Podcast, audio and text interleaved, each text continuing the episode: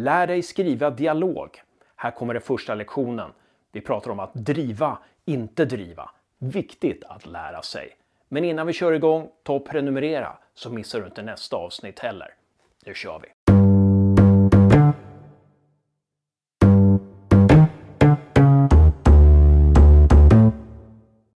Här kommer den första lektionen i att skriva dialog.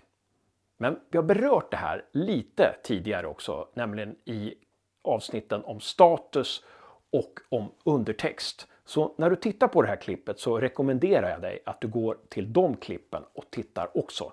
För där får du väldigt mycket kött på benen. Vad handlar dialog om?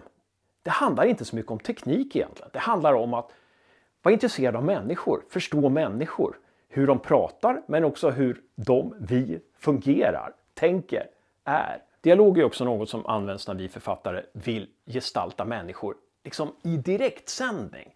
När vi vill vara med dem, hänga med dem ett litet tag till, när vi, när vi vill vara med dem steg för steg. Så ofta använder man ju dialog när det händer något ja, psykologiskt mellan människor. Idag ska vi prata om att driva och inte driva. Det här är en väldigt stor hjälp när man skriver dialog. Och vad betyder det? Jo, det betyder att det är bra att ha en karaktär som driver dialogen. Det kan vara ett samtal som består av fem personer. Men det är ändå bra att låta en av dem driva. Sen skiftar ju det här hela tiden förstås.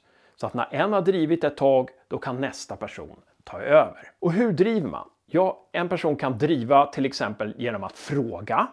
Då betyder det att den personen kanske inte pratar mer än de andra.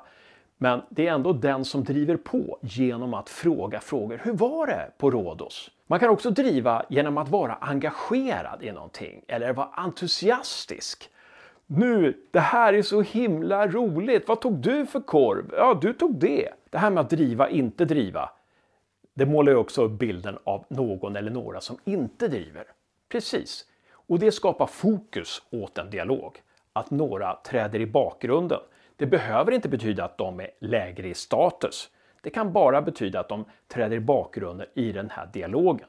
Det kan vara fem kompisar som pratar och det kan vara svårt att ringa in statusen. Då är det bra att ha en som driver åt gången. Fick du med dig något? Om inte så kanske det ramlar ner en polett när vi gör en övning nu. Här är en dialog mellan två personer. Fortsätt dialogen och låt den ena bli mer drivande än den andra.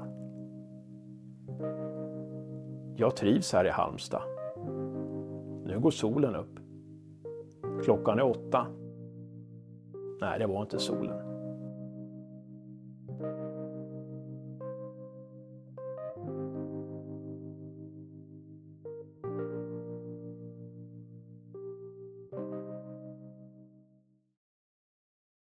Som du märkte på den här övningen och den här dialogen som jag hade skrivit mellan de här två personerna så var det ingen som drev.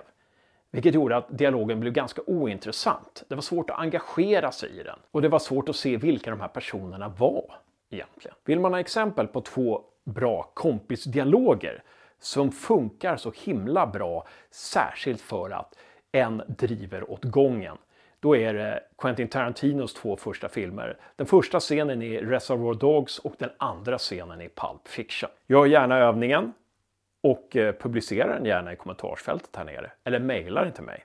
Mejlen står också här nere. Då återstår bara en sak för mig att göra. Att önska er lycka till med romanen.